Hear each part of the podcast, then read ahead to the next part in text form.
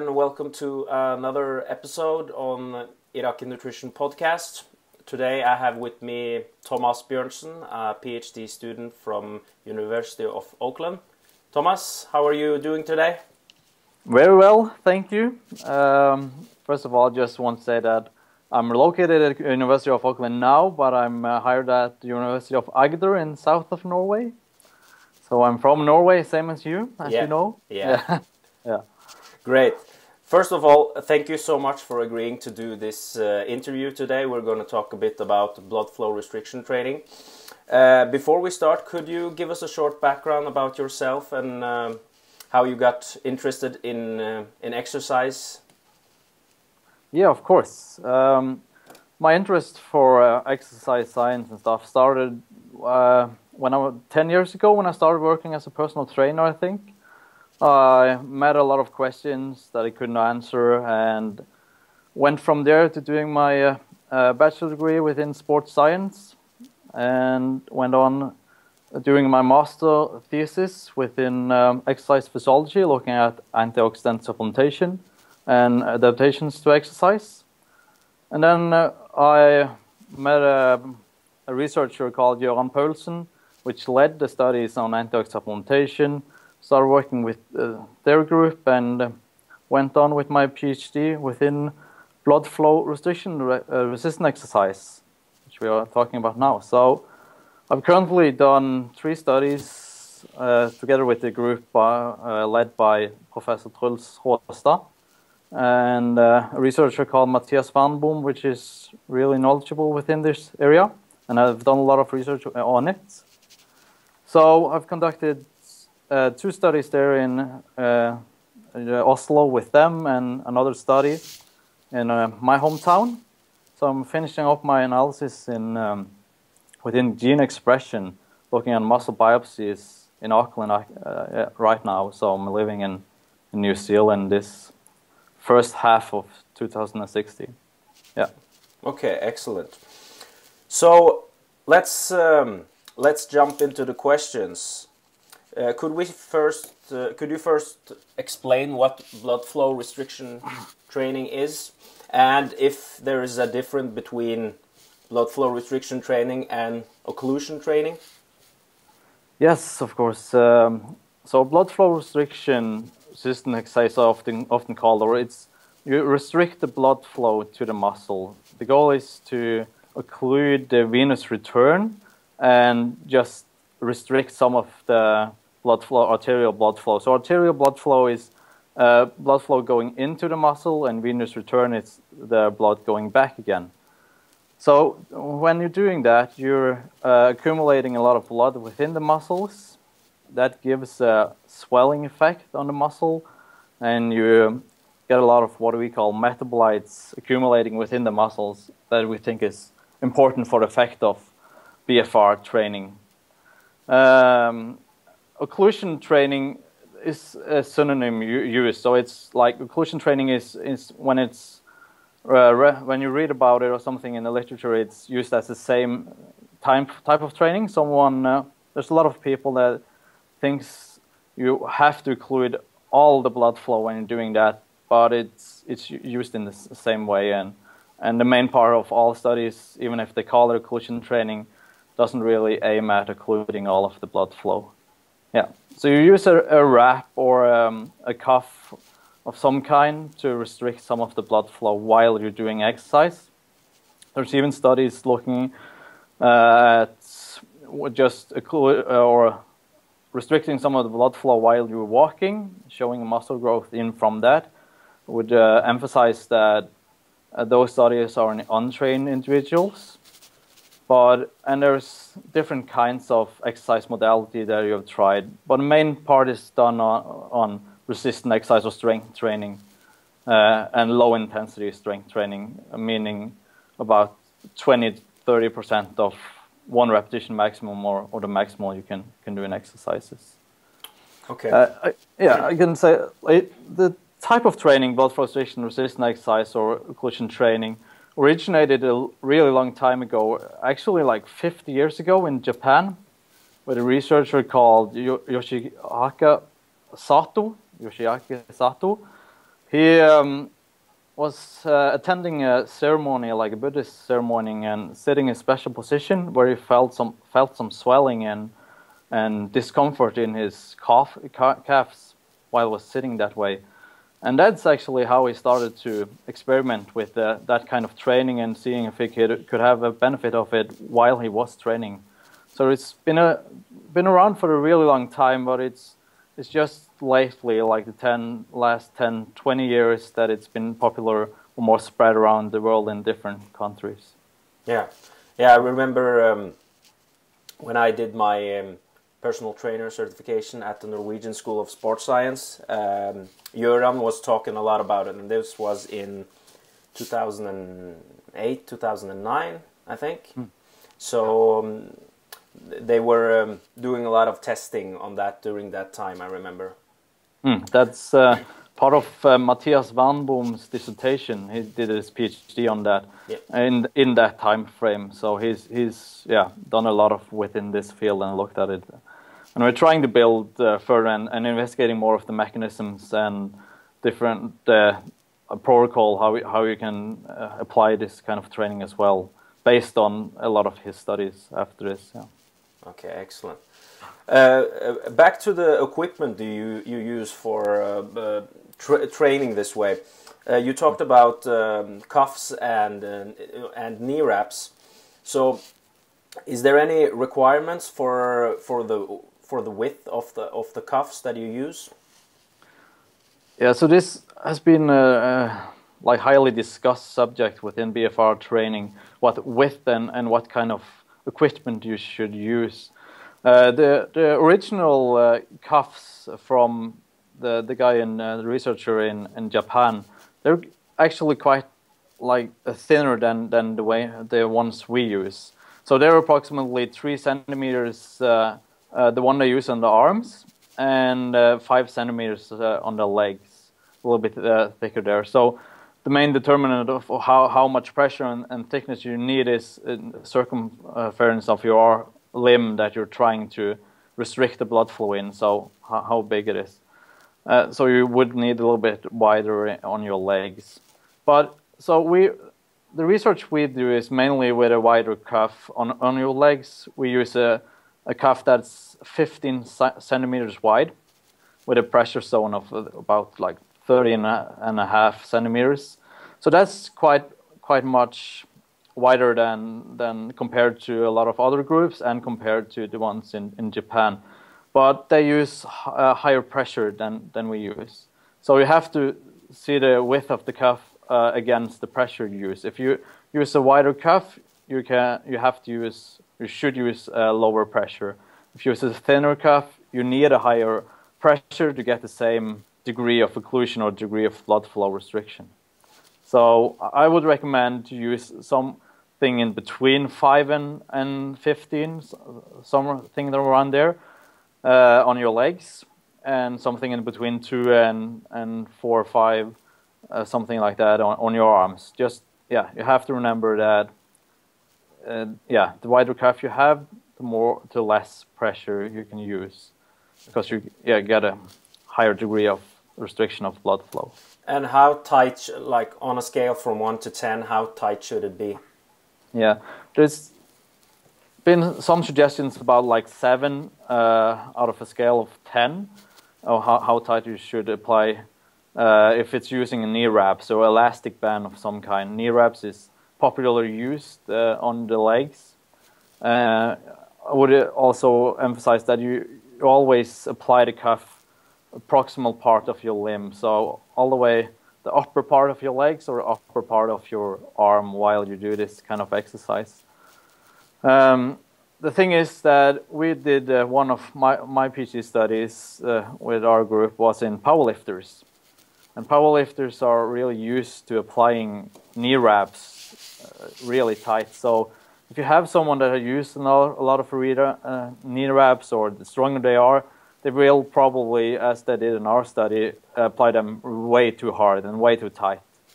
So I, I would, to like check how tight it is, I would try to see how many repetitions you can do in the first set. If you are working out uh, in any kind of exercise almost within uh, the intensity of 20 to 30 percent of one repetition maximum. I would say that you should be able to do around 30 to 40 repetitions. If you're way uh, out of that range, even like below or over, uh, I would adjust the pressure, or if you're not, yeah, if you, it may be that you're not in that range of your one repetition maximum, but as long as you are, I would uh, adjust the pressure to try to fit it somewhat within that range of repetitions. Okay.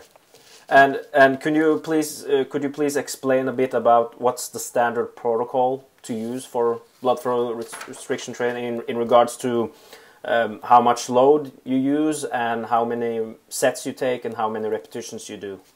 Hmm. So as I mentioned, uh, like a little bit of a point with blood flow restriction resistance exercise is that you can get uh, similar effects comparable to traditional resistance exercise with low loads. So it's the regards to in intensity, it's low loads between 20 to 30 percent of one repetition minimum is like the range that most of the studies have shown a really good effect on. Um, and we can discuss a little bit later on why you want to use low loads only. But yeah, that's the load I, intensity I would recommend. And normally you have around four to five sets uh, that you conduct uh, with BFR.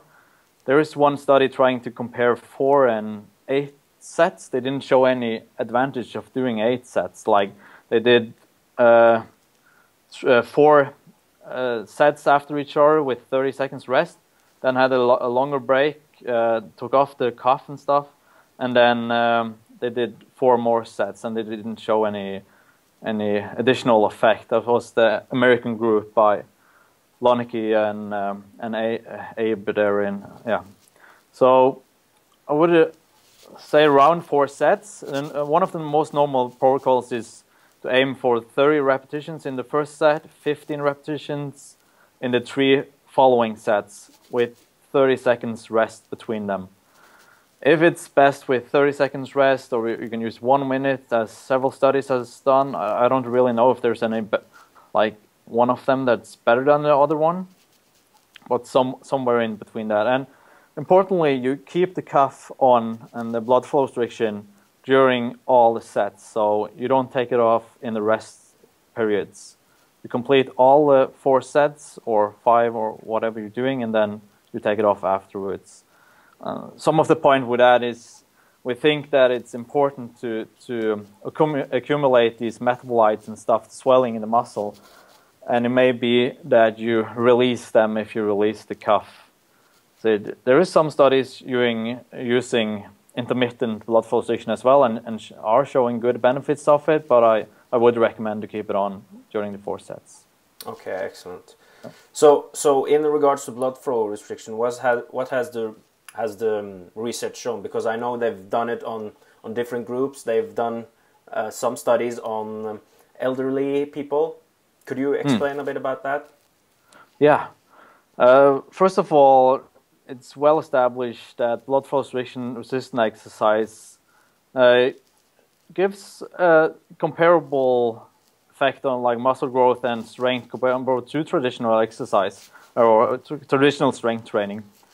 Uh, so there's a lot of study, studies showing that with different protocols. Uh, looks like uh, you have like a fatiguing effect of the type 1 fiber. So just to explain that a little bit more, you have type 2 and type 1 fibers in the muscle.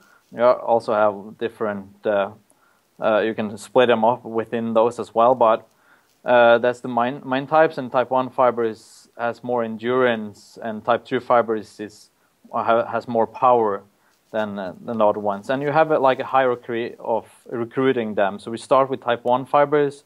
If you want to lift something really light, you start with using type 1 fibers, and then when you go up to max maximal effort, you have to use uh, type 2 fibers as well. So you want to re recruit and use a broad spectrum of all of these type, uh, all of these fibers when you do strength training because you want to have a response in all of them, and you you need to recruit them to have a response in them, and that's a little bit of the the reason why strength training is recommended with high loads, normal strength training. The thing with BFR, it, it seems like you recruit the type 2 fibers as well when you start fatiguing the type 1 uh, fibers earlier, uh, because you, uh, and some of the reason is because you restrict the blood flow.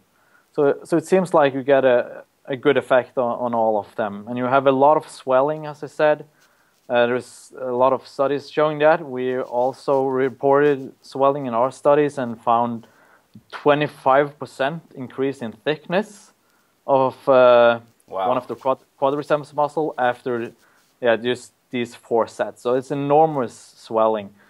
If that is an important mechanism, uh, we haven't really tried like looked at if it's the causation of of the effect, but it definitely happens to a large degree, and there's yeah a high buildup of of metabolites uh, associated with this.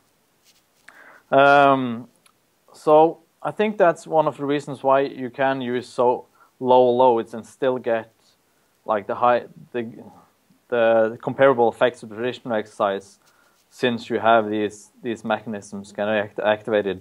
Some of the mechanisms for those who are, interested in it is uh, a lot of the similar ones as traditional exercise. There's some signaling molecules associated with with muscle growth called mTOR and pathway there.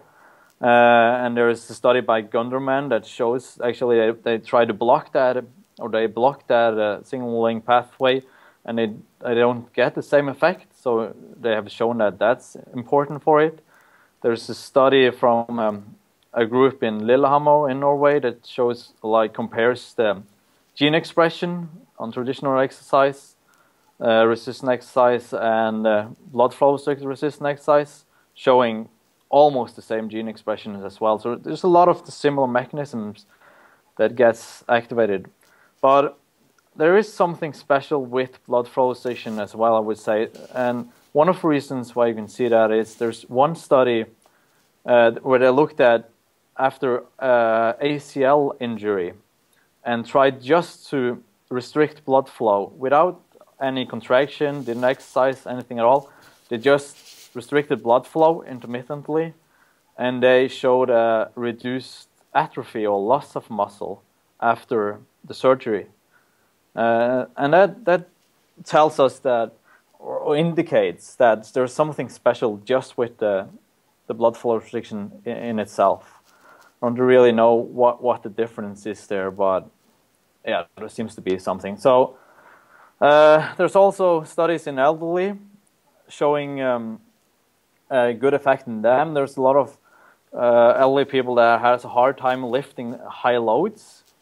Uh, so I, would I would definitely uh, recommend the high loads for elderly because of all the load you get on bone, tendons, and, and stuff like that. But there's there's people that can't really do it, or they don't really they don't enjoy doing it, or they, they won't do so much of it. So uh, from the studies, uh, some of the studies that I've looked at in elderly, they actually reported that the elderly subjects really like that kind of training especially if you don't go all the way to failure, as, as a lot of studies do. They, do, they show a good effect even if you go all the way to, to failure.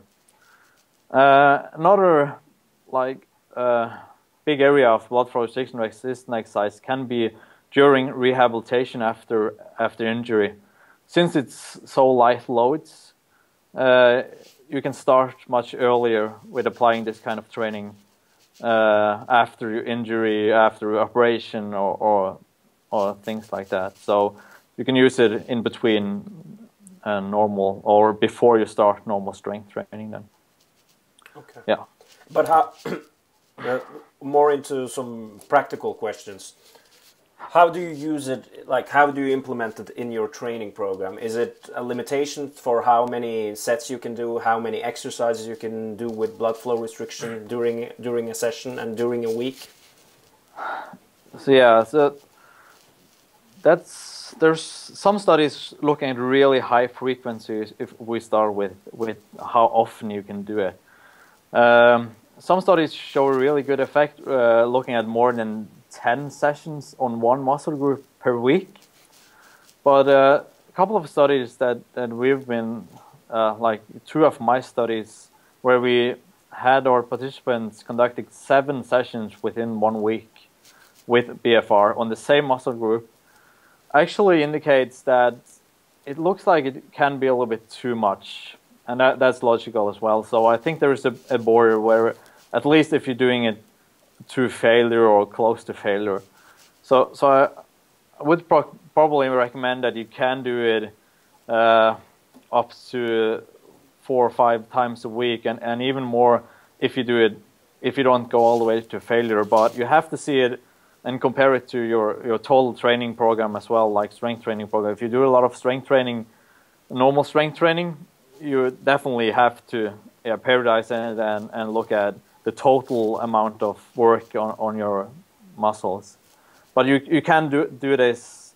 It doesn't look like it strains the muscle as hard as, as normal training, uh, and you can do it a little bit more often.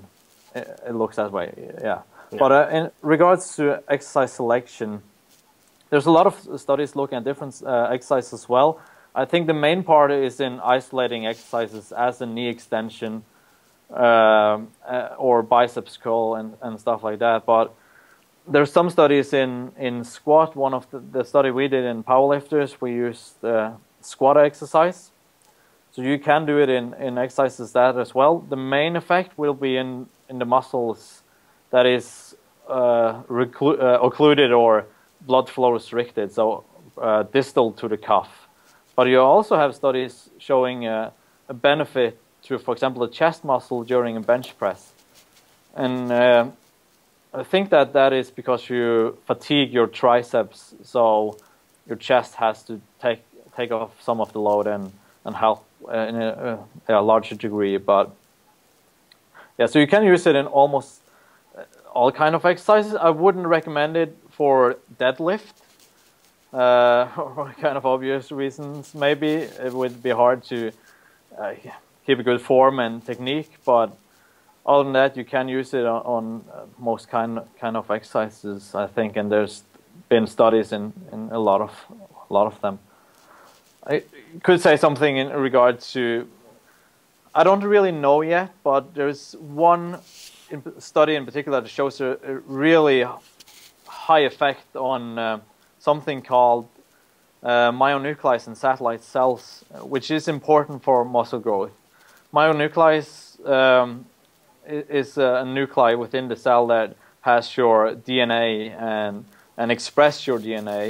So there's uh, a lot of studies showing that this is important for muscle growth, um, at least to a degree. So when you like uh, reach a, a, certain amount of muscle growth or how, how big it is, it seems like you you need to have more of myonucleus uh, within the muscle cell, and and you activate satellite cells to get these new myonuclei. So there's one Danish study that shows a enormous increase in, in satellite cells, even compared to traditional uh, uh, strength training, uh, after only one week of, of BFR. So, and they used a block model, so they had like uh, three times, or they had three weeks with uh, seven sessions within the first week, and then even more actually, up to nine sessions within one week. And the thing is that it may be that you can have a benefit on these mechanisms if you include uh, occlusion training or BFR uh, in in like a ways of blocks. If you're doing like several sessions within one week, and then have a, a couple of weeks just with normal uh, strength training, and then you have one week again where you include several sessions up to, for example, five. So that's what we, what we did in our powerlifters. They did uh, five sessions with BFR uh, in their front squats uh, the first week, and then just uh, uh, had normal strength training. Then had the second week with five sessions of BFR, and then normal training. So I don't really know if it's more beneficial to do it in that way in, instead of doing it like just have the last exercise on on your muscle group within a one week or just doing it like one, once once a week or something. But it may be there's like extra benefit of doing it that way and like have several blocks within a week or something. Yeah. Okay, great. Uh, that was actually my next question uh, in regards to satellite cells. So I'm so glad that you covered that. But the the powerlifter study that you're talking about now, that's unpublished data, or is it published Yeah. yet? No, no. Uh, so all of my three studies, or our three studies on on uh, BFR now, isn't published yet. I've had my three first uh, years of my PhD just doing uh, data collection and completing together with the whole group completing um, these three studies. And I'm here in New Zealand now, uh, finishing off the last kind of like the last muscle cell analysis with gene expression.